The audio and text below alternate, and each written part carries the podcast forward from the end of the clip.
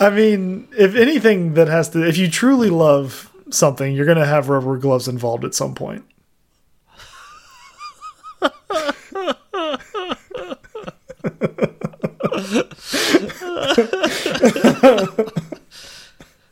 oh my god. They're latex free. it's fine. Nitrile, we're good. It's oh. nothing weird about it.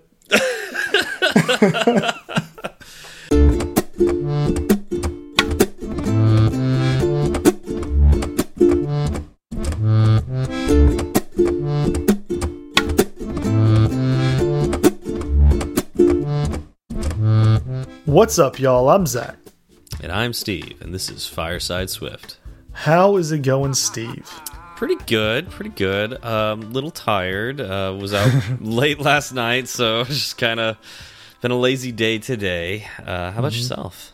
It was. It, I'm. You know, I'm doing. Bro. I'm doing well. I'm doing well. I had to. I had to deal with a bunch of date related stuff at work uh, which is never fun. Yeah, time zones and dates and uh, and yeah. things that can cross time zones. And technically, there are two days on the Earth right now. There is today for us. True. And yeah. there is tomorrow. There is no more yesterday. That that doesn't exist. But once midnight hit, hits here, there is a yesterday up until the day hits the date line. And it was it was one of those weeks. Like like wait, wait, wait, wait, wait. So there is no yesterday until not not for me. There's no yesterday for okay. like the people in Australia and there in England right now. There is a yesterday. Yeah.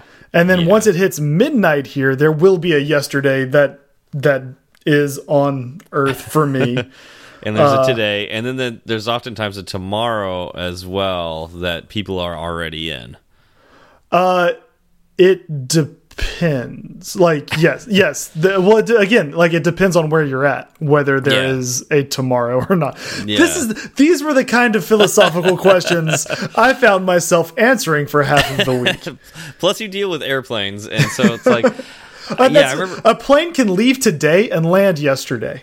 Yes, yeah, that's that's. that, so it's like that's the thing that like most of us don't have to worry about in app development ever.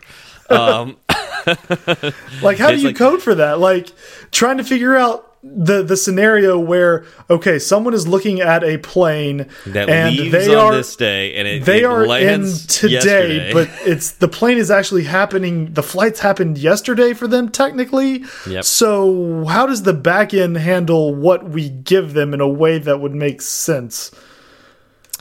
Do you use a Unix timestamp? Is that like yeah, we do. the moral of the story? Yes, yeah. yes, yes, we do. but still, the math that's going into this yeah. one, it was it was a bug around one line of code. No, I yeah, I could see that.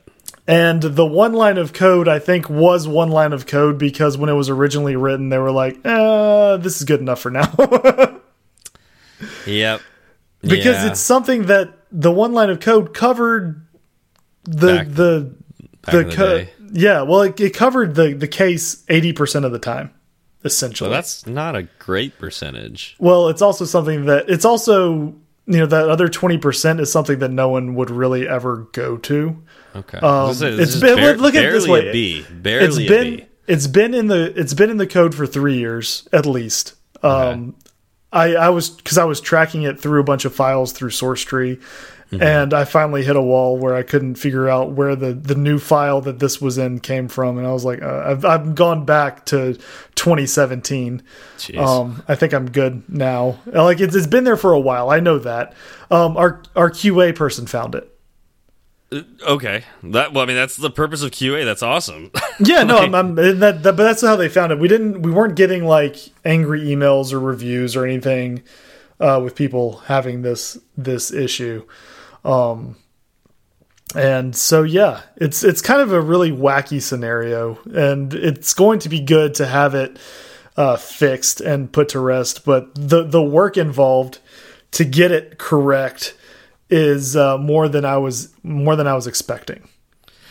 I mean, again, that that doesn't surprise me that it was like one line because that that tends to be the problem. But like, uh, it it also it wouldn't surprise me that that's like a that's a painful thing to solve as well. Yeah. Uh, by I mean, the, the, way, essentially the date it's a it's a date picker. The date picker's yeah. minimum day was incorrect. Yes. No, that That's sense. the problem. Yeah, yeah, that makes sense. By the way, like um so you mentioned like going back 3 years of Git history. Yeah. Um I I I I'm actually on Twitter less, even though I made a goal of getting on Twitter more this year. Uh, but I've been on Twitter less. But um, one of my old coworkers tweeted something uh, that I read that would have been perfect for this. Um, and so I'm going to tell it to you. I don't know if you saw it on Twitter because I actually responded to it, but uh, it's called Git Bisect. And if you do a Git Bisect, so look that up, mm -hmm. you can say uh, there's a problem introduced, or there's a problem in this commit right here. And then Git will then um, do a series of at like we'll go back to a series of commits and ask you is the problem in this commit oh and, wow and so it'll use an algorithm and jump as many it'll like go halfway between like so it'll start like be like the first you're the latest commit there's a problem here. It'll go like all the way back to your initial commit and go is there a problem here? You know is the problem still here? Yeah. And then it'll go halfway and then it'll ask you again. And it'll eventually pinpoint the exact commit where the problem occurred. Oh wow. That's yeah. very interesting. Yeah it's really cool. Um hopefully you never need to use it for anything but like th it, this would have been one of those cases where instead of having to like hunt down like all the changes that occurred in the last three years and and figure that out you could mm. have done a git bisect yeah and uh that's that's incredible yeah. i mean the thing is like this this one change we didn't know why it was written the way it was written in the 1st mm -hmm. place mm -hmm and I wanted to understand that before I started monkeying with the code. Yeah. Um, and it got to the point where we were like, okay, look, we don't really know why it was written this way to begin with, but we do know it's a problem now. Let's just go ahead and fix the problem. Yeah. Oh yeah. Yeah. Well, you know, that's another thing too. You don't want to over engineer, and it's like if you're just getting started with an app, you don't want to solve every case because yeah. you'll spend all of your time on one little thing that very few people will use. It's better to get an app out there and then fix the problems later. Uh, and it's possible that it's like, oh yeah, we knew this was going to be a problem, and we just didn't know how to solve it at the time, and we just needed to get it out, and you know, like yeah. it finally came time. Yep. it's, it's, it's time to fix it. We got the resources and we got the engineering power. yeah, time to pay off that tech debt. Yeah. Yeah. So So that that's cool. going okay. I uh I submitted my first PR for the actual solution on Friday and I think it's going to need some tweaks. But it's mm -hmm. one of those mm-hmm. things where like I submitted the PR kind of expecting it to be the first step in, in, a number of in a series of PRs where we finally yeah. like tweak it to get it to what it needs to be. That's because cool. even even just talking to my coworker about what the issue is is difficult, right? Yeah. And so it's like, okay, look, I let's start here. Like this is yeah. the foundation. Let's start here and say yeah. this is a partial solution. What do we need to do to get it to where it needs to be? Yeah. Um, but other than that, things have been going well. I mean, I, I had a goal last week to get up out of bed by 5.50, and I did that. Okay. I nice. did that. So, um, and I think you had a goal along the same lines, yes? Yeah, I mean, not to wake up that early, but um, no, but you went to, to, bed around then. Uh, yeah, today, so yes, that kind of counts. Yeah, um, but uh, no, I made a goal of not looking at my phone when I get up in the morning. So, like, uh, um, you know, when I wake up I you, obviously I use my phone to uh, for my alarm, but after that, don't look at Twitter, don't look at the news or anything like that. And I succeeded, and it was a much better week. So well, congratulations! Staying in bed for an hour just browsing the news. um, no, I looked at my phone to see what time it was, set it down, told myself not to look at it until I was on my feet. And by the time I was on my feet, I didn't want to look at my phone anymore. So it was great. Mm -hmm. yeah. Yep. Well, so I'm congrats on that. That's a big I'm step far, forward. I'm far less informed, but I'm happier. so I think that's good. It's a good trade off. I mean, yeah, it's it's pretty good. It's pretty decent. Yeah, yeah. so um, I think we should talk about our sponsor, Sentry. Uh, this is a good time for that. Uh, you know, sometimes uh, you know you do have to just get an app out there, and you will make an engineering trade off that you're not going to solve all the problems now, but uh, you know, in the future, you'll you either may know there's a problem or may know that you just got the app out there without solving every problem, um, and it would be useful to have some sort of uh, way of reporting when users run into issues. That's where Sentry starts, you know, steps in. Uh, Sentry is an open source framework that you can add to your code base. Uh, you can either add it to your iOS, Android, or web apps, and it will let you know when things go wrong in your apps because sometimes you just have to ship it, right, Zach? Indeed, indeed, you do. You got to get it out there, and if you don't want to be misinformed about one thing, it's it's crashes in your app. That is something you definitely want to be informed about. Maybe not as soon as you wake up, because that's kind of a rough way to start the day. Um, but knowing that it's happening means you can actually get on the fix and get it out there, because you know as iOS developers, one of the uh, kind of caveats we have, one of the pitfalls, is that we are kind of dependent on Apple's, you know, okay Apple say so for us getting our app and our fix actually out there. And that that can be rough sometimes when you're watching crashes pile up and you need something out there now. Um, what Sentry can do is actually let you know that it's happening so you can get your code into code review uh, and get it through Apple and on the App Store where your users can have a fixed version of your app. Absolutely. And I've actually been woken up by crashes, so it's not a great way to wake up. Uh, you get a bunch of emails and you look at it and you get like maybe texts from other people in your company and go, oh, great. I have to work a little earlier today. Um, uh, so uh, Sentry is, as I mentioned, uh, free and easy to add to your code base. Um, it also has a host of premium features as well. Uh, those premium features do cost money. Um, some of them are very spectacular, and you're going to want them. Um, and so, I would suggest that if you decide to use some of the premium features of Sentry, use our promo code Fireside Swift. It's all one word, Fireside Swift. That will get you hundred dollars off a new account. So go to Sentry.io and get your new account today. We'd like to thank Sentry again for sponsoring Fireside Swift. Okay, so do we have any follow up this week? Because I we didn't do. see anything in Twitter. Well, we didn't. We didn't get any follow up uh, related to the last episode, which obviously means we got everything correct. Obviously, um, yeah. obviously, uh, what we did, what we did here, we did make one mistake, but let's start off with um, with Heffertron. His uh, his Fireside Swift tee arrived in the mail. Uh, he took a selfie with it and sent it to us. Oh man, and I'm gonna have to see that. All right, he That's was he was looking good. He was looking great. Um, so it was it was fun to see you know someone that we've interacted with quite a bit wearing wearing our logo uh, and wearing it proudly. I'd like to add. Um, now the one mistake we had was, uh, and this is something Heffertron pointed out, is that we acc we accidentally credited Heffertron with something Joe Cab said in last week's follow up. That's right. I did see that. Wait, I don't see this. Well, because we because we decided did... you were evil. okay, that's well, that's true. Uh, I see the mug by by uh, Richard Lowe. Oh that, yeah, that that just came through, so it didn't make it into the notes. That looks awesome on your desk. Uh, so man, I need to get one of those badly. um, but yeah, I don't see uh, Heffertron's selfie. Is is Fireside Swift tagged in it? Oh yeah, it is. You just got to go back far enough. It's there. Oh wait, wait, there it is. Ah, oh, that looks great. That looks awesome. oh. Yeah, it's, it's, definitely interesting to see, um, and it made me really happy to see it. That's so fantastic. thank you, Heffertron, for for the support, and and Richard uh, for the support. We really appreciate that. Yes, yes. Thank you so much. I'm glad you enjoy your merch. Uh, Zach and I have not bought ours yet. We need to. uh, so, yeah. Well, we just want, you know, we're being nice hosts. We're letting everyone else have a chance to get it before we do. Oh, I want it all. I need to get some soon. Yeah. Especially a mug. I need to get one of those mugs.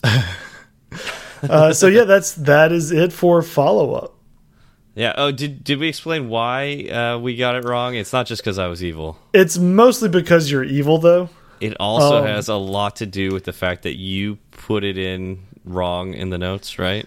I mean that may play into it a little bit, but okay. the the salient point here is that you were the one that read it, so it's obviously your fault.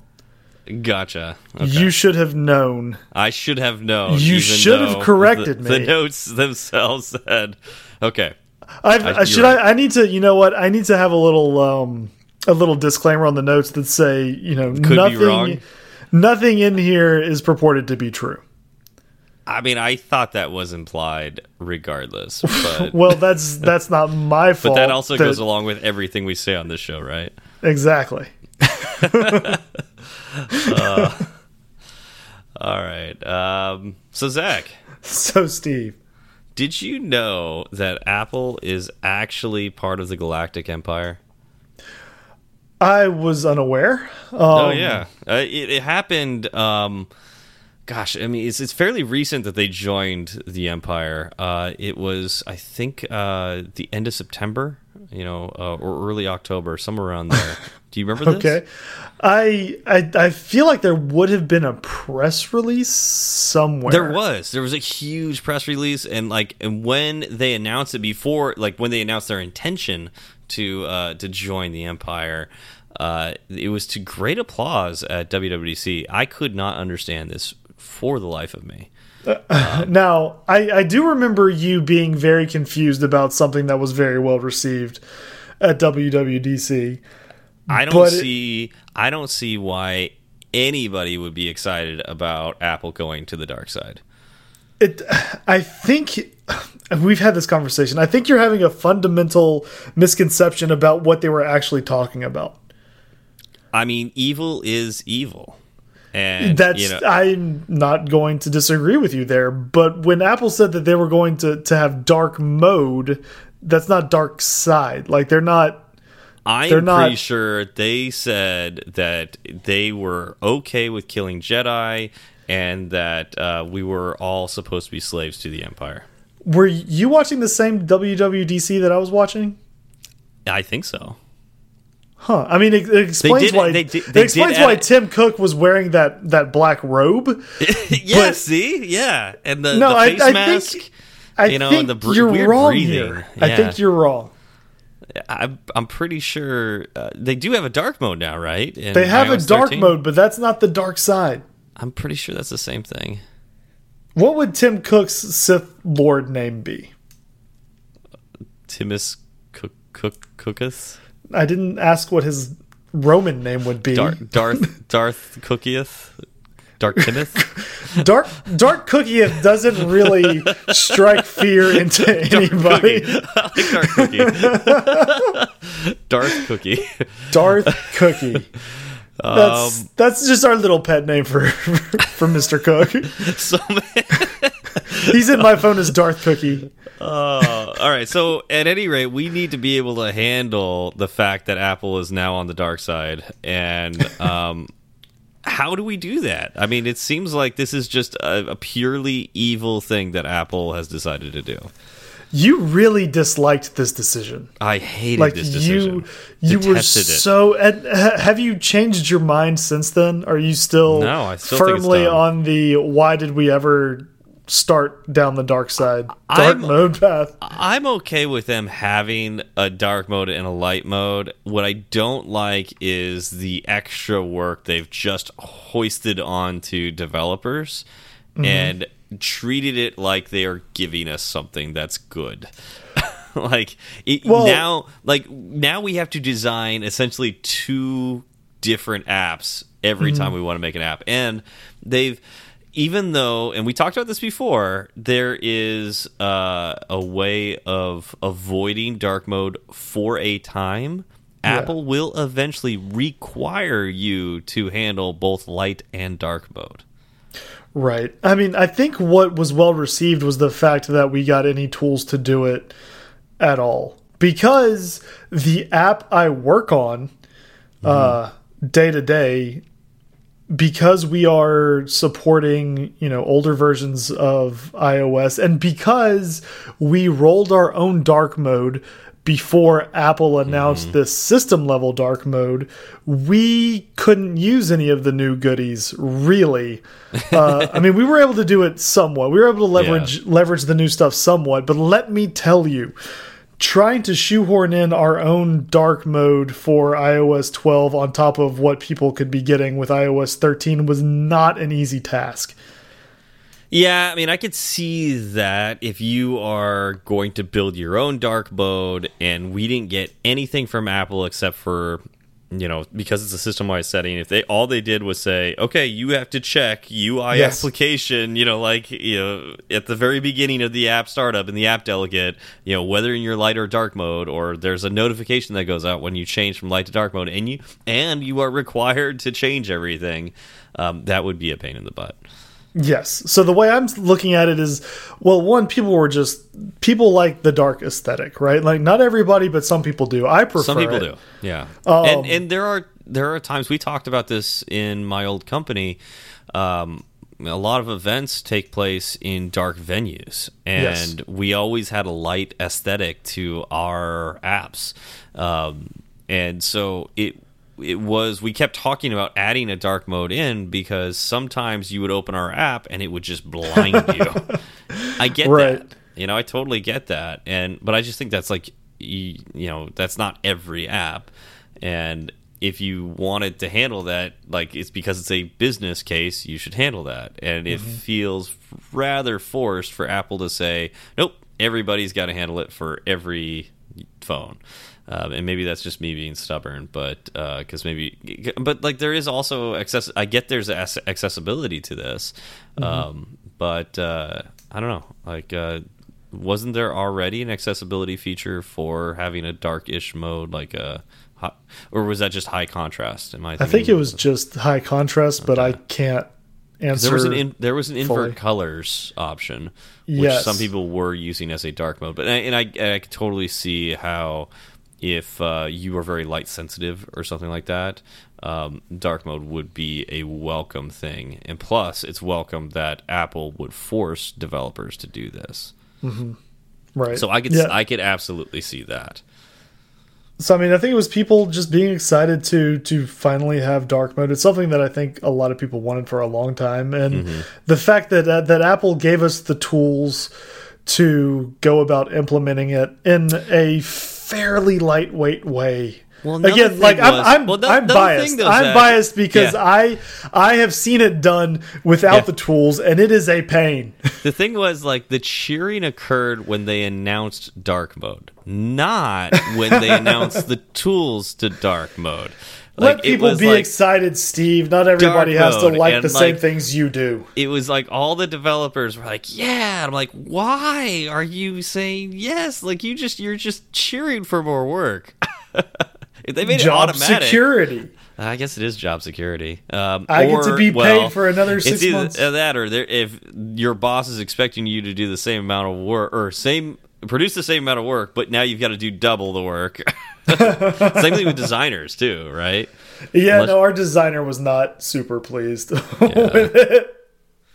Yeah, I I looked at our apps after iOS 13 because like we I didn't have time to get to it before iOS 13 came out. Uh, besides just like some basic bug checking, and um, yeah, they're really ugly in dark mode, like really ugly. So I had to opt out. Otherwise, it, it's like blatantly bad, mm -hmm. and it would just take a very long time to go through. And uh, unfortunately, um, for the company, it's not my problem anymore. So. Uh, fortunately yeah. for me, I don't have to worry about that. Yeah, no, I was uh, I was helping someone out with their app last year for a little bit, um, just kind of looking things over for them, and um, one of the things that they failed to take into account was dark mode. Mm -hmm. um, and so I put my phone into dark mode. I looked at their app and I sent them a bunch of screenshots, and uh, they immediately asked me to figure out how to opt out of it. yeah, yeah, that is. And and and like you know, you discovered back then that uh, you can opt out, but uh, eventually that will not be good enough. So right, and that's that is something we discussed before. I don't remember what what the exact resources were. Um, I could have gone back through the the old show notes, but I didn't. Yeah. Um, but yeah, no, it was. It definitely said somewhere basically that that Apple will eventually want everybody to conform to both both modes. It's and it's in the info.plist is how you can opt out. So, yep.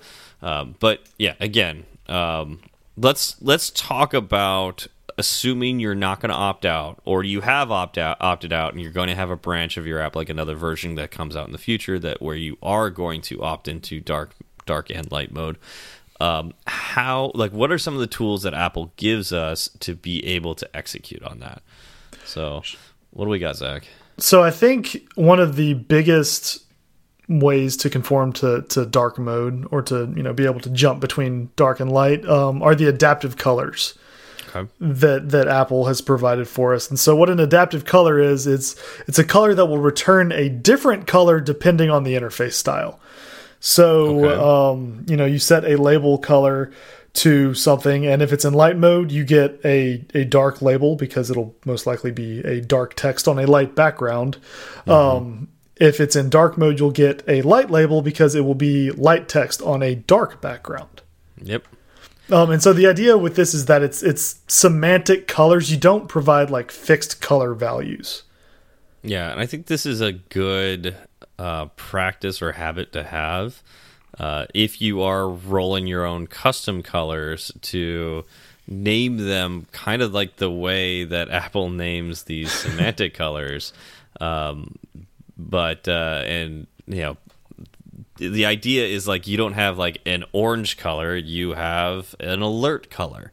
Yep. And uh, that way, if your brand uh, of the app ever changes, like you want to change your color scheme for whatever reason, um, you know, we don't like the orange anymore. We really want to make it a red. And so it's not, oh, I need to change all of my orange, you know, colors throughout the app to say red. And now you've got to like figure all that out. No, you just change the alert color to red which mm -hmm. makes mm-hmm. more sense. Yeah.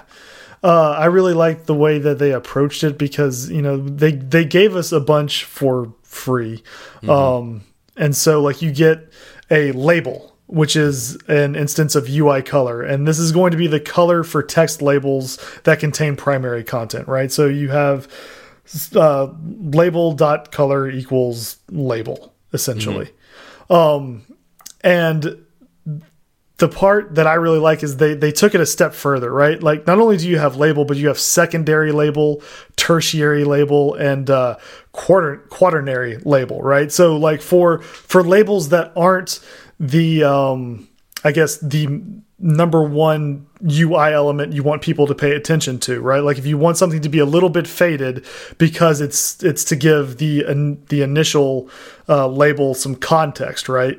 Uh, you can use that secondary label color. So, Zach, be honest with me. Mm -hmm.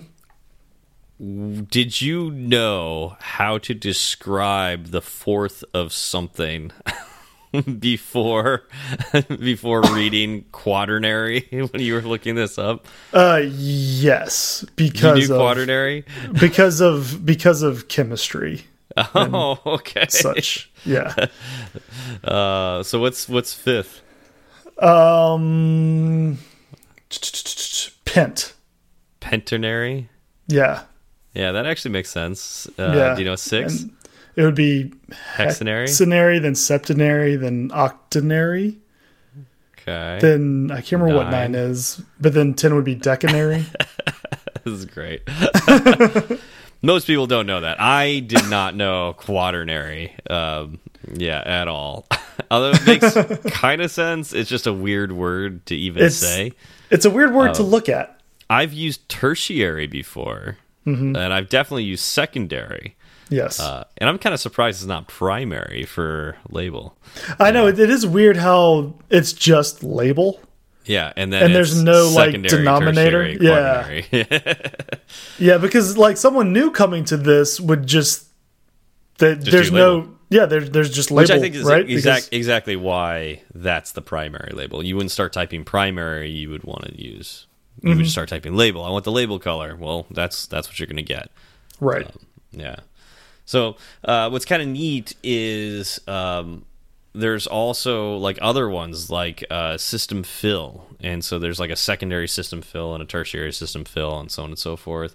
There's um, oh gosh, there's so many other ones like table background. There's an alert color. Um, there's so many different colors that that they have. Uh, isn't there like a separator line color as well? Like, isn't it? Yeah, isn't it covered just about everything? Yeah, yeah. And actually, so like when I so I'm working on uh, an app right now, uh, side project. Again, it's still stealth. As soon as I pull it out of stealth, I'll I'll start talking about it more in uh, you know more specific terms. But um, I really liked the way that Apple provided these uh, these semantic colors. So when I made my custom colors for this app, I went through and even though I don't need this many different kinds of colors yet, I went ahead and created a custom color for every single one that that parallels apples. So right. Uh, so Apple has the the label, secondary label, and tertiary label. Well, I've got with just a prefix on it the same thing: label, secondary label, uh, tertiary label, quaternary label. Um, and so uh, and I did that with every single one because like I just think it's a good practice to have, and mm -hmm. you could always add more, but it also gives you a template for here's probably the kinds of colors you need for uh, for an app going forward. I mean, this is mm -hmm. the mm-hmm. kind of colors that Apple needs, so why not duplicate that? Well, it, it's always good to just follow the template that they laid down, mm -hmm. right?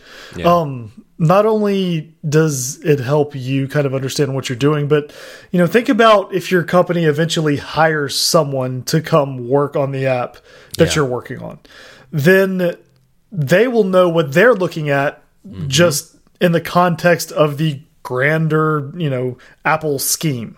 Oh yeah, yeah, totally. Yeah, and it's it's best to follow patterns, right? Like that's one of the things that uh, we like to do as programmers because it makes our lives easier, but it also makes the lives of other engineers easier when they join your team or go to other teams. If we all follow similar patterns, we can probably build a lot cooler things, you know, because we are all learning off of each other.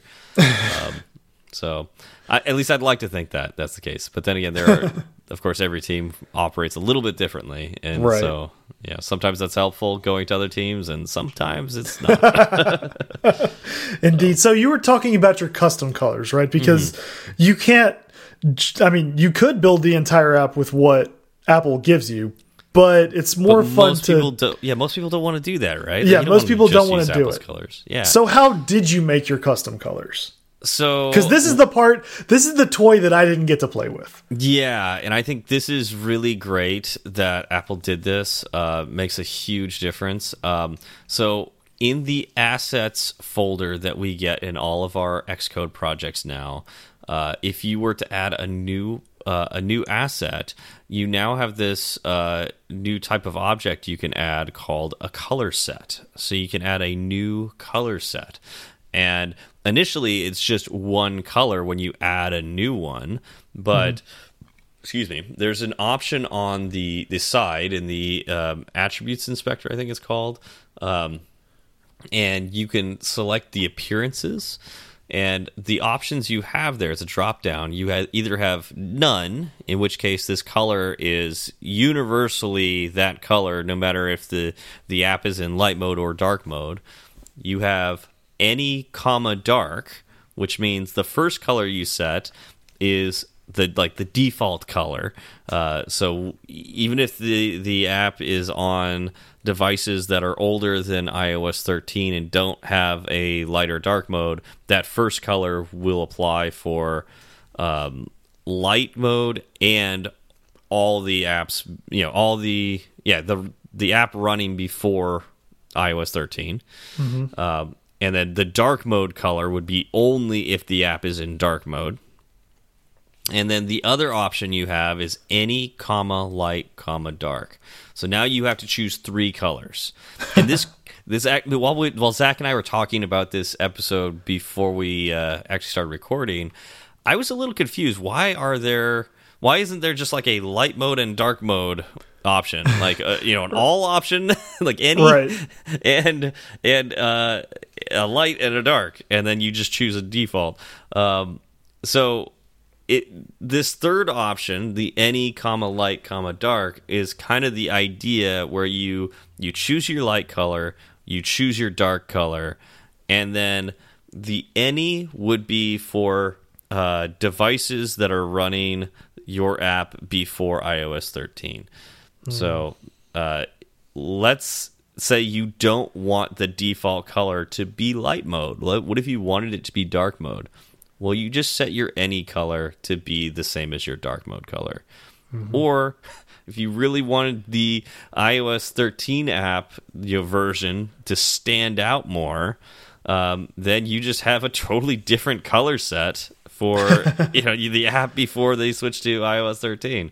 Um, mm.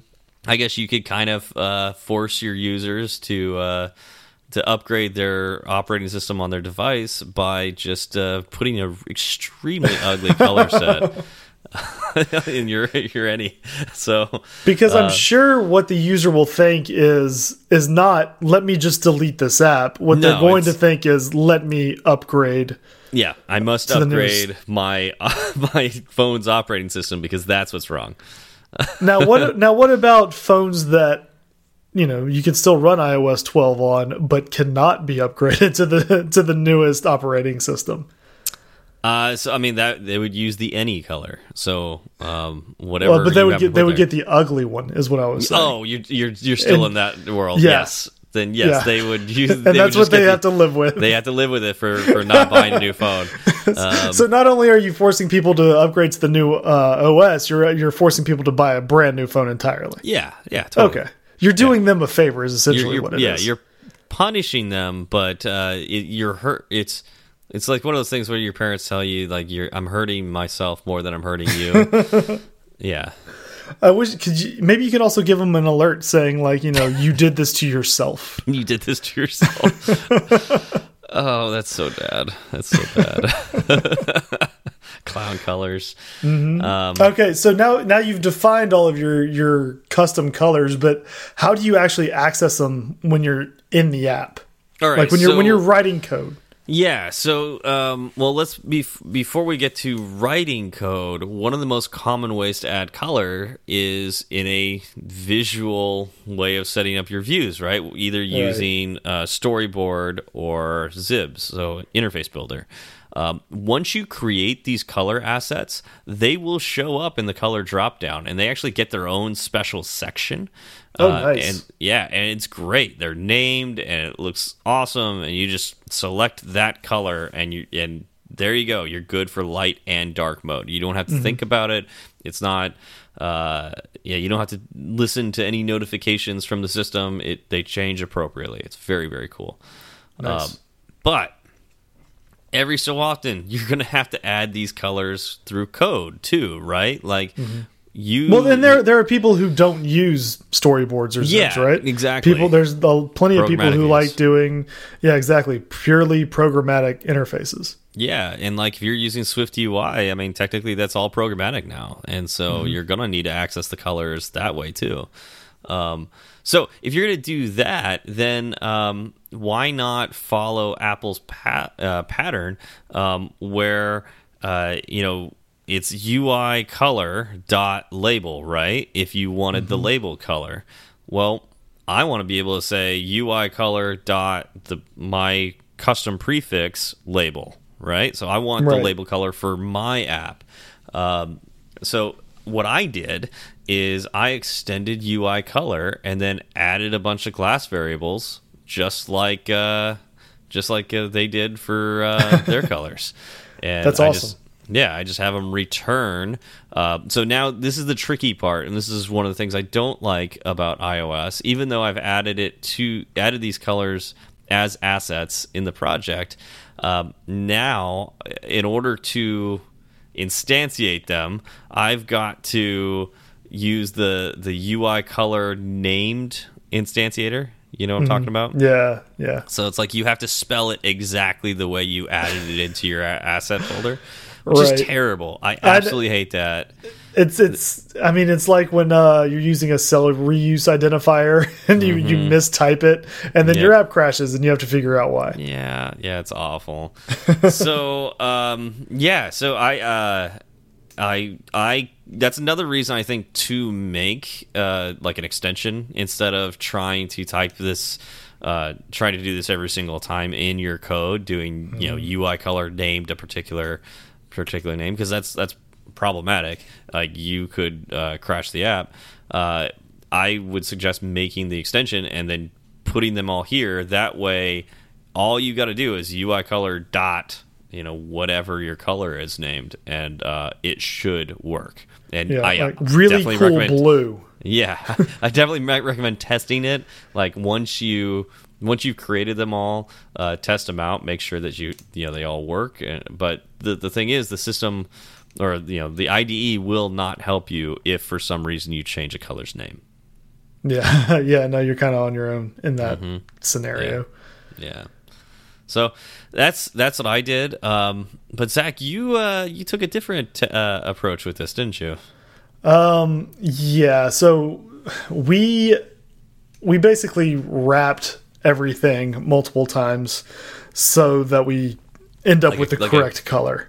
Like a really right? scary so Christmas present. We have uh, pretty much right. So we have we have a color struct, and inside of the color struct, uh, there are two inner structs. One is app, and one is system. Um, and then inside of each of those, we have we have those call other structs inside of our app and it's basically like a chain right? Mm -hmm. so we can do you know colors dot system dot background dot dynamic. Okay. And you have to follow that chain down to see what you get at the end of it. And you, we ended up we ended up um uh wrapping ui color in our own custom implementation okay. uh, to get the correct dynamic color because we have to check whether the user is on iOS 12 or iOS 13. Those are the mm -hmm. two.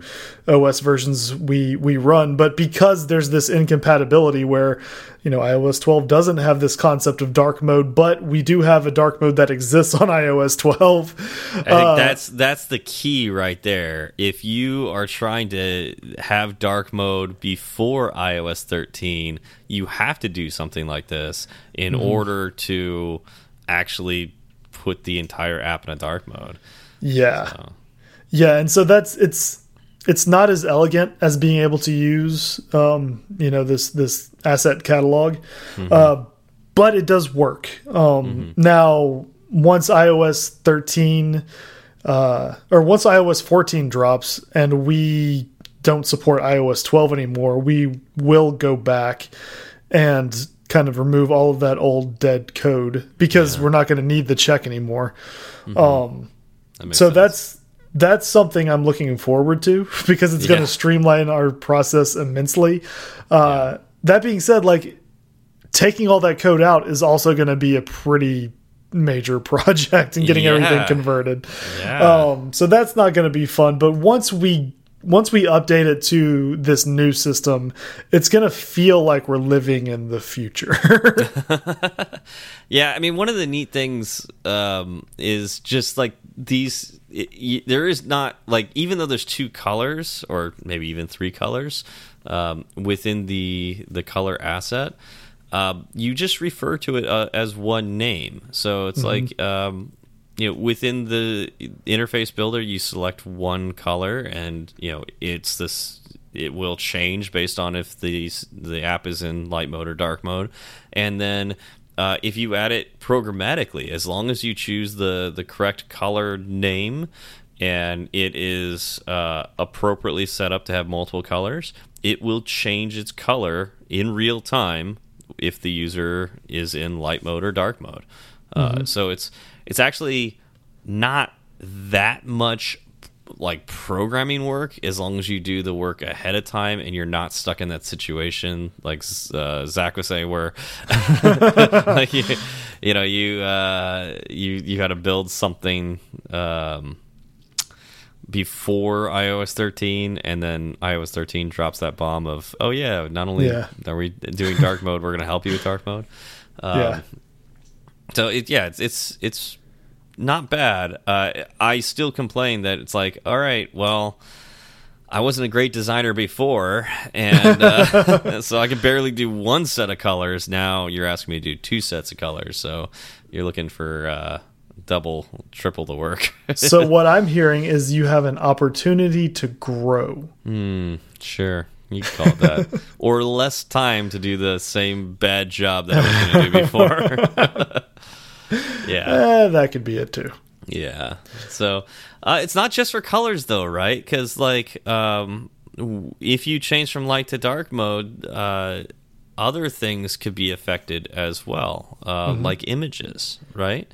Right. And then you don't want to be, you know, stuck with this quote unquote light mode image in dark mode. Like, think about if you had uh, a logo and your logo was really, really dark, but that looks great, Yeah. you know, in light mode. Well, when the user turns the, the app or the phone to dark mode, your logo could disappear. Yeah. And that's not something you want to have happen. Totally. Now, I would argue, like, uh, I mean, and this obviously depends on logos, but uh, if you have a, a monochromatic logo, you could just uh, have that as like a, a template image, right? Like uh, render as template. Um, and then you could set the tint color, and then you set that tint color to a light mode or an adaptive color. Um, Right. but what if your logo has other colors in it, right? like, you know, you can't necessarily do that. Um, and so, if you're going to handle it that way, or other things that are not logos, let's say they're like example photos, like uh, in a tutorial or something like that, or a background photo, right? Yeah. Um, you you could potentially lose uh, your whole design aesthetic or like lose parts of the UI because that image doesn't change. Um, well, now you could use the same uh, appearance option uh, with colors that you can do. You can do that with images as well. So you can provide a different image based on any light or dark. And then it's nice that they kept this the same too, Yeah, right? I like because you you essentially are still only learning one system. You're just applying it to a different part of your app, Yep. but Yep, the system totally. works the same way. Yeah, yeah. No, it's it's uh, it's pretty nice. I I really like that. Um, and, and like they they did take a. I'm just glad that they did this because it would have been like. Yeah, a, uh, a slap in the face and then a gut punch if we didn't have any of this stuff. This was just a slap in the face of just like, all right, you gotta, you got more work to do. Um, but it's like it's not as bad as it could be, and of course, it does add value too. Um, Zach, your company was making a dark mode before even iOS 13, so it's like you, your company already decided that this was valuable to have. Uh, Right. My my company had talked about having a dark mode for a long time. So like, but we it wasn't worth it for us at the time to to put forth that effort. Uh, now I would think that the that should be prioritized because not only is Apple saying it's required, um, it you know it's a lot easier to do now than it was before. Well, they're not saying it's required yet. They're strongly suggesting You're right. You're right. that you do it. They are saying that it will be required soon. So that's, Yeah, there they is just don't give us a date on that. yeah, so it is required, just not yet. I, yeah, I agree. Um, now it's it's worth kind of covering the methods that get called during a transition because if you don't have your code that updates your UI in one of these methods, you could go through, you know, adding all the colors to the asset catalog, adding the images to the asset catalog, and then look at your app and flip it back and forth and have your stuff stay the same yeah.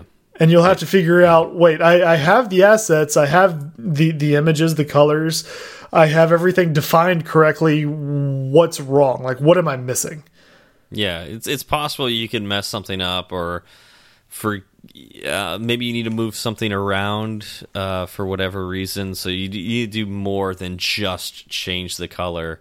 Uh, you need, yeah, you need to take it a, an extra step further, and you just need to hear when they change from light to dark mode. Mm -hmm. um, you know, for whatever reason. Uh, you, yeah, these these methods can help you do that. So, Zach, what do we got? Uh, let's start with UI view. Okay. Um, so in UI view, you have trait collection did change, layout subviews, draw, update constraints, and tint color did change. So each each one of those five methods, when the user flips from light to dark or dark to light, each one of those will get called. Yeah. So that's that's good to know that like if you I mean, if you if you are making a truly custom controller, or a custom view, uh, as long as you cover light mode, dark mode in draw, and it goes down the different path based on mm. um, you know how you you know what or what what appearance the uh, the app is the, the, operating system is in at that point in time. Uh, you're done. You, you, you put it in draw. Great, good for you. Yeah. um, but uh, otherwise, you know, you can have you can latch into uh, trait collection did change or uh, tint color did change. Um, mm -hmm. So yeah, and essentially, like the light mode and dark mode stuff is in the the trait collection for the app. Yeah. Um. So that's that's one way you can tie into it. Yeah, I I would probably suggest if you have some really heavy lifting to do that's not just color related or or yeah, really just not color related um, trait collection did change would make the most most sense there. Mm -hmm. I agree. Um, so in UI view controller, you know, you can also take care of it there. Uh, again, you have trait collection did change. Then you have update view constraints, view will layout subviews, and view did layout subviews. Yeah, and again, I think trait collection did change would make the most sense there. Uh, but if you are already doing the work that needs to be done, for setting up views appropriately in, let's say, if you will layout subviews, then you don't have any more work to do. It's done. Good job. Um, you did um, it. But again, if you need to do some heavy lifting, maybe trait collection to change makes more sense. Mm -hmm. And uh, finally, let's cover UI presentation controller. There's again, trait collection did change. Container view will lay out subviews, and container view did lay out subviews. So if if you're in any one of these and you can't remember the specifics of which function gets called um, on an, a dark mode update or a light mode update, uh, put your code in trait collection did change, and it will get called in each of these. yeah, that that should make your life a lot easier. And it might be it might be good just to keep it there. That way, you know, mm -hmm. as you're working on your app, like this is where my my dark mode to light mode transition stuff goes. You have one place for it throughout your app. You don't need to worry like, well, sometimes it's in draw and sometimes it's in view will layout subviews. Like the fact that you can stay consistent is nice. Yeah, I agree with that. Yeah. Um I guess uh, I think that's the majority of things we wanted to cover for this episode. But mm -hmm. um, there is another trick you could use that could help with uh, different contrasting colors, uh, and that's the visual effects. Uh, what would like visual effects view? Is that what it's called? I don't uh, remember the, exactly. The materials. Well, that's the materials of the is the oh. view, right? Right? It's the visual yes. effects view. Yeah. Um, it's UI visual effect view. Thank you. That's that's what I was trying to. No, oh, yeah, I see that. No, it's no. Uh, but they, but Apple gave us a bunch of new materials for that as well. That will change based on light mode or dark mode, right? Yeah, and it's it's interesting. Like if you watch the the WWDC video, um, they they go into how it's more nuanced than you know a dark mode to light mode switch isn't exactly one to one. Like. Mm -hmm light mode visual effect materials um, kind of respond a different way than the dark mode visual effect materials do. Yeah. Yeah, and I mean, I I've used the visual effects materials or just visual effects view um, to make things stand out when they are on a background that I don't have control over, like a an image or something of that nature. That you know maybe it scrolls and so like it changes. So I will want um, you know text on top of that to still stand out, even though I literally don't know what's going to be behind it. That's when I would use and, and plus it looks cool. It looks really cool to have that visual Mm-hmm. effects view um, behind text. Uh, and uh, sometimes, if I really want to get crazy, I'll use the vibrancy effect, um, which, again, we have more options now with that, which is cool. Like it's it's nice to have more options than just blurring the background, right? Right. Yeah, no, we had a bunch of old old blur views we were able to get rid of, which actually made our lives much easier. And you just got rid of them. You didn't change them to these new uh, new Well, materials. We were able to change them to the new materials, but it it took away a lot of complexity that was added Okay. because of the way the blur views were originally set up. Yeah, that makes sense. If that makes yeah. Okay. Yeah.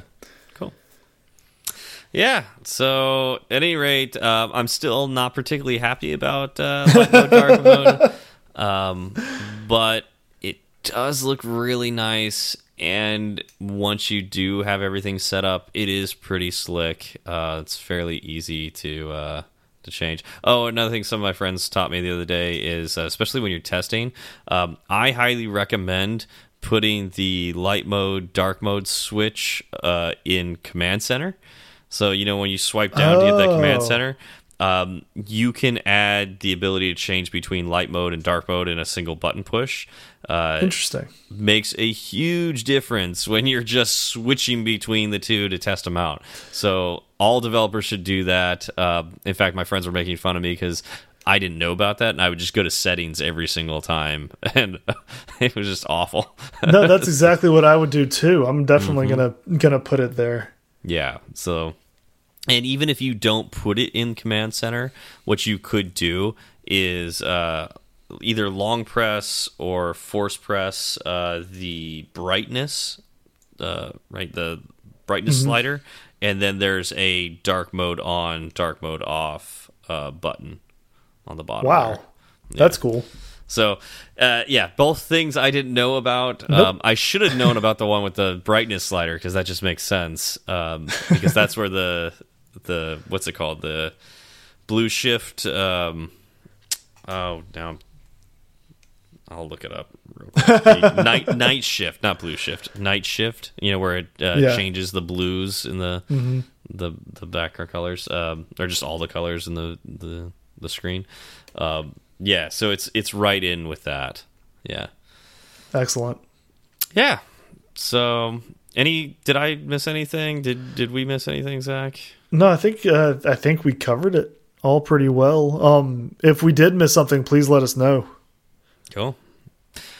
All right. Well, I don't think we have any shout outs today, right, Zach? No, the uh, maybe the aggregator's down again. No, Yeah, I I'm- I'm I think kidding. we, Yeah, we no. need more people to test It's- the aggregator. it's it's fine. Don't worry about it. It's, we it's did see doing its thing. What was that one thing we saw about the uh, the test on the aggregator? That uh, Uh, it, it was that one star that said they were going to move it up to five stars. It looks like it's up to three stars now, but that did not come through the aggregator. We actually found that ourselves. That's true. So uh, we did notice it because we were just looking around at the the different reviews and seeing if the aggregator was working and all that, uh, just to make sure that uh, you know something didn't squeak by and the aggregator missed it. Um, so we did see that that score did go up to three stars. Thank you. Uh, but we we definitely would prefer five stars. So we'll keep an eye on that. yeah. Yeah. Well, I think um, so. It looks like the re- the aggregator doesn't catch star updates, but it Mm-hmm. I think it does catch review updates. I think it does because we did get uh, one, at least one person uh, sent us like, ch I think was it Uriv? It was changing, Uriv. changing a review. So Yeah. there we go. yeah. All right. Well, uh, I think that's it for this week. Uh, thank you all for coming by. Thank you, Sentry, for so sponsoring us, and we will see you all next week. Y'all have a good one. It's such a good feeling to be at the end. A happy feeling that there may have been a mistake or two. So we'd like to hear from you. Twitter's great, Breaker might beat it. Email's fine, but we rarely read it. But we love five star reviews, and we promise to mention you. So get a pen and write this down. Just kidding, who's got pens around? Still, they'd love to hear from you. Steve Berard and Zach Falgout. Tweet at Zach and have some fun. Do one. At do one. He'll write back when his work is done. Tweet at Steve and you will see clever use of the emoji at SWB. E-R-A-R-D. Fireside Swift has its own handle, so you can burn three sides of the candle at Fireside underscore Swift. At Fireside underscore Swift. And if your message is a little too long, there's firesideswift at gmail.com and firesideswift.com. Firesideswift.com.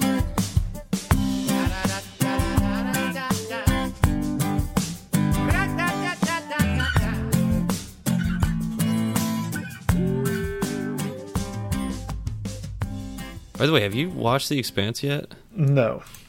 I Do you know not. what The Expanse is? No, I do not. So, um, The Expanse. You have heard of it. It's on Amazon Prime. So if you have if you have Amazon Prime, Yep. um, you can uh, you can just watch it right now, which is cool.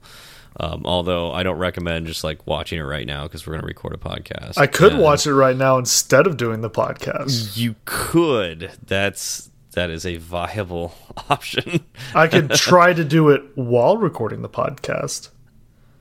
Uh, one is going to suffer. I'm not really sure which one, but you'll you'll either not understand what's happening in the show or uh, the podcast is going to go poorly. One one or the other. I'm not really sure. You don't. I mean, we could roll the dice. We could find We out. could. We could. These Right are things now- we could do. We, yes, these are things we could do. I'm up for a little experiment. you do you. That's the second time you've told me that. no, last time I said you do you boo boo. That's close So- enough. I mean, the, okay, you still said you do you. You just added a, a term of endearment to the end of it. You do you boo boo. That's a chappy saying. Is it really? Yeah, yeah. He says that to me all the time. I'm sure he does. yeah. Um. So, The Expanse. Anyways, is it Okay, a so- show I should not watch literally right now? not literally right now, and I probably wouldn't recommend even getting starting started on it tonight because it's one of those shows where it's like you watch one episode, you want to watch the next, Mm-hmm. um, and it's also hour long episodes, so Yeah. you'll be you'll be up for quite a long time. Yeah, I couldn't do Um, that right now. I couldn't do that right now. because you're I'm not wondering, tired at all. I'm wondering how I'm going to make it through the podcast. So, yeah exactly. exactly. Uh anyways, uh so the expanse it's very similar to in I guess feel to Battlestar Galactica, like serious, you know. yeah. But it's um let's see here. Yeah, in feel I would say it's Battlestar Galactica-esque or Game of Thrones-esque. Um not quite as brutal as Game of Thrones. Right. Uh, or Sexy Time. You know, it's Yeah. not on HBO. right. Uh, I think it started on Sci-Fi Channel. It did. I was just yeah. I was on the Wikipedia Okay. page. It was like three seasons on Sci-Fi and then one on Amazon Prime. It's only wait, it, it made three. I thought it only made two, and then Amazon rescued it for the third season. Uh, let Wikipedia me. says three seasons on on Sci-Fi. Yes. Okay. Yes. Wow. Interesting. Um, I thought it was on.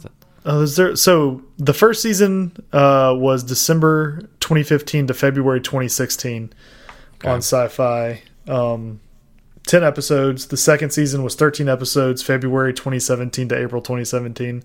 The third season was 13 episodes, April 2018 to June 2018. Okay. And then, then they just came out the fourth Yeah, the fourth season season. a while ago. Yeah, December of 2019. Yeah, and I decide just decided to start watching the fourth season. I you know had gotten to that a while ago and was waiting for the season to come out, Mm-hmm. and then uh, so and it came out in December, and I just now started watching it, and I just now finished it earlier before we started recording it. Perfect. It's like ten, 10 episodes, and I like binge watched most of it. It was fantastic. Wow. Um, yeah, it's such a good show. Uh, it's okay. So it's it's like uh, Battlestar Battlestar Galact- Galactica in tone, and like if you miss, it, wait, did you watch Battlestar Galactica? no. Oh, okay. Also, no. I mean, I know, you, I you know. definitely need to do that at some point. Galactica. Yeah, you definitely need to watch that at some point. It's That's the one show. with the Klingons, right? Mm, not the Klingons. no.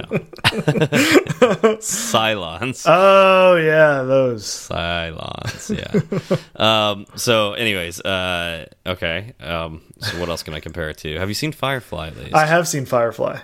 Okay, so it's got some of like the um, draw, like it's some. It's similar to Firefly in the sense that uh, you follow one crew most of the time, um, but there are other stories, so it's not just the one crew and only focus on them. It will bounce around to other stories because it's it's a very large um, geopolitical story as well, and like it's it's like what happens after we actually colonize space. You know, how would that look? Uh, well, we would probably turn the moon into um, like a base of Yeah. operations, you know, so we can go elsewhere. Um, and we would probably colonize Mars, but we would try to terraform it, and that's going to be a multi generational project that you know people are going to start working on terraform it and never get to actually experience it. But their Yeah. their hope is that their kids, kids, kids will get there. Can you imagine what those sprint boards would look like? Oh, those wouldn't be sprints. those marathon boards, ultra marathon a, boards. we are, we're on a three-year sprint. Yep, more like a three decade sprint. Uh, yeah, so you know, there's there's that aspect to it. It's like the goal is to turn Mars into another Earth, but to know that it's just it's it's gonna be a It's, very long it's not going to be easy, right? Yeah. And then we'd probably go out to the asteroid belt because there's a lot of materials we can mine from there, uh, and potentially set up, uh, you know, permanent residence in the asteroid belt. But life is going to be pretty hard for those people, right? Because I mean, we're um, talking about space, so I would I would assume mm-hmm. it would be pretty hard, pretty much anywhere. like they i think they even start out with um, a ship that its whole goal is to mine ice from i think comets mm-hmm. to take back to the asteroid fields the bases on the in the asteroid fields so they have water oh, right. Yeah yeah So it's like it's like back back you know when um, ice boxes literally had ice in them, Mm-hmm. yeah uh, and you had that guy deliver them, deliver it to your your weekly delivery Yep. of ice. We're going back to that essentially. except this is a big spaceship It's just it's just yeah. futuristic ice man. Yep. Yeah. Yep. Futuristic Iceman. uh, but it's just like you know, it's just crazy to think about. It's like, oh yeah, we would need to get water there somehow. Right. Like, you know, it would. You know, this this it's uh, water would become a precious resource, and so Mm-hmm. it's it's kind of interesting to think about. Um, and then of course. Mars would get super technologically advanced because you know every generation is grown up to like you know you need to help terraform and the best and brightest got sent to Mars to be able to terraform it that you know they're just going to keep getting smarter and better and higher tech and Earth is overpopulated, so people are going to get lazier, and you know, it's just there's gonna be less and less resources. And of course, Mars is a colony, and they're not going to particularly like that. Right. And there's going to be some point in time when Mars realizes they're way more technologically advanced than Earth, and they don't want to be run by Earth anymore.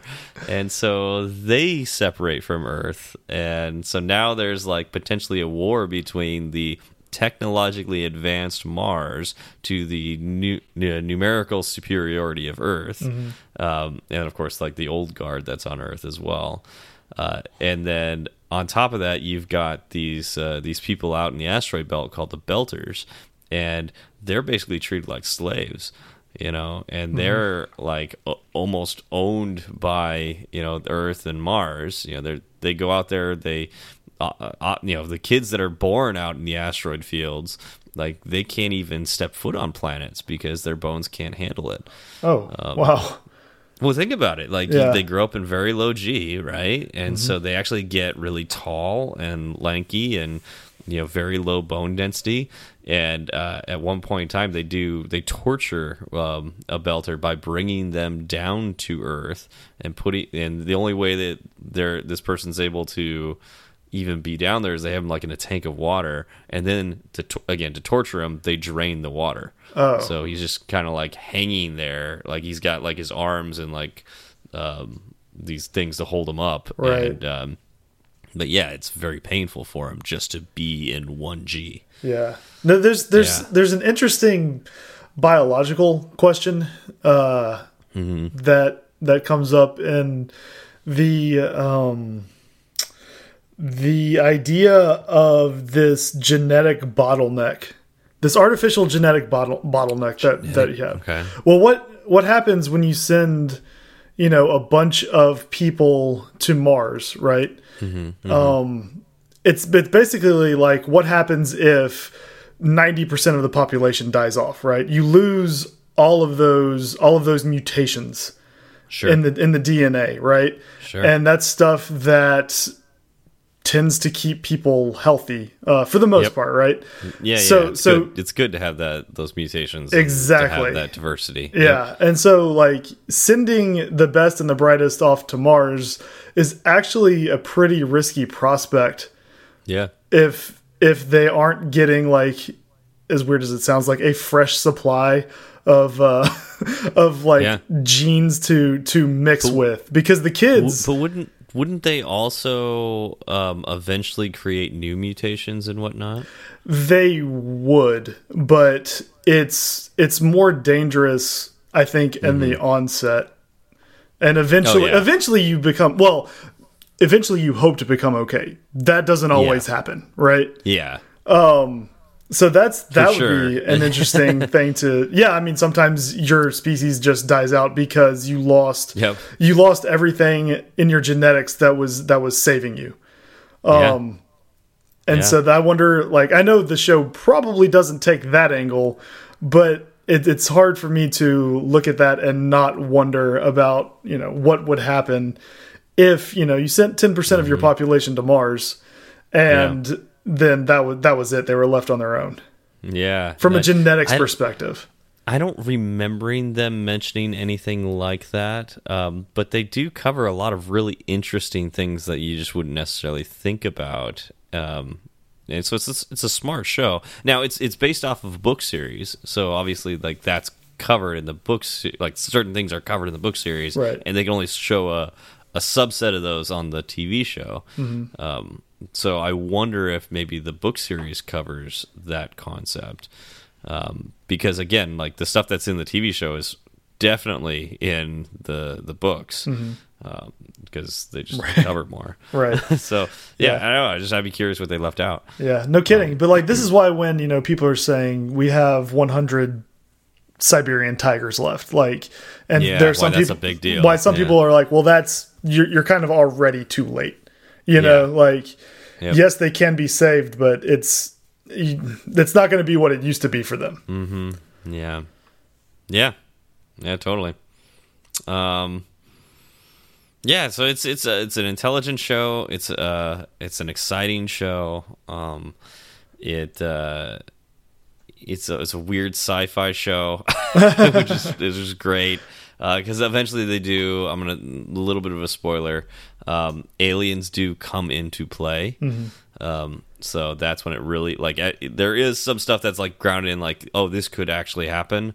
Um, but then there's also like this mix of like crazy sci-fi where they do truly go sci-fi.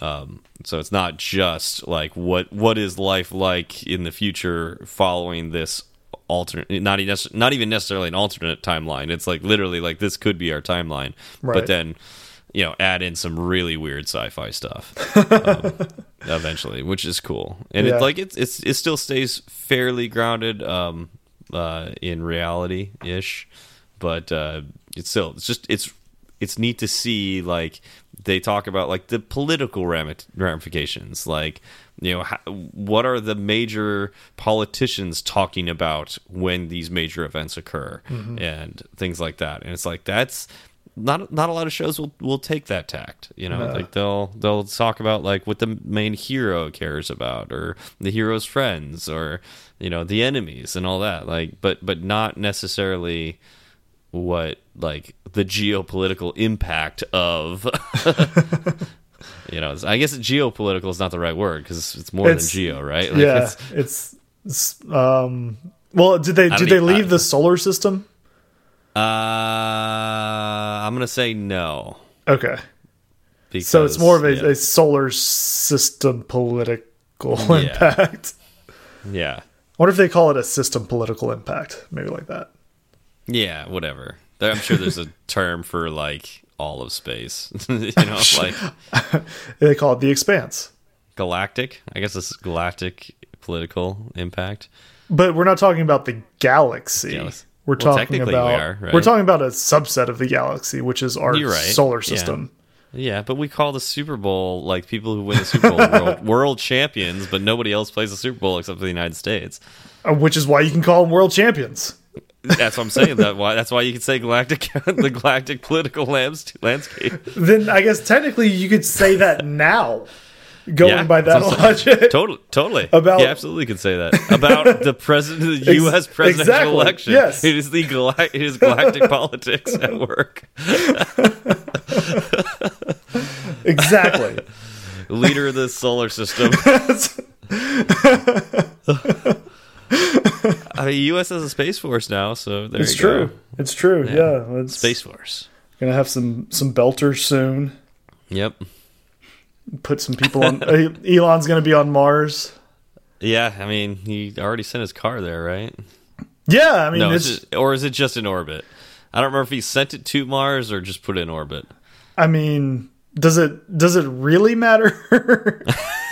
it, we're talking about a man who shot a car into space. Does I mean, it really it gets, matter? If it, if it, gets to Mars, maybe somebody could drive it when they get there. he's, he's like, yeah, no, I just wanted to put that up there for when I get there eventually. Yeah, yeah. Like some people have like a, a, summer home, or you know they have they have a yeah, car they'll drive in the he's summer. He's got a Mars car. He's got a Mars car. Once he gets there, he'll he'll be set. He's just yeah. I can see why I have this weird mental image of Elon Musk like climbing out of a spaceship with a bunch of like Tesla batteries in hand. Yep. In hand. in hand. These are, He's carrying. These, what kind of He's carrying them. Do, do you know? Okay. No, they're they're big, but he's still in in my vision. hands. They're he's carrying them. Okay. I mean, it's like on his back. He's they're strapped in. You said it, some, you said it was in his hand. He, he's got his hands on them. You got to balance it. You, did you know how big a Tesla battery is? You can't just let that thing fly. What, do you know how big a Tesla battery is? I think that's the real question. We're talking about Elon Musk on Mars walking to his car and yeah. and the the reality you want to inject into this situation is the size of a Tesla battery. Is that that's what I'm yes. getting? That's that's the most important part of this. Okay. Okay. Well, if that's the case, then I digress. Good. He obviously has his robot butlers that he built for this very specific task carry them out obviously. to his car. Obviously. Obviously. Yeah. Ding. That's for that's for Mr. McSwift face.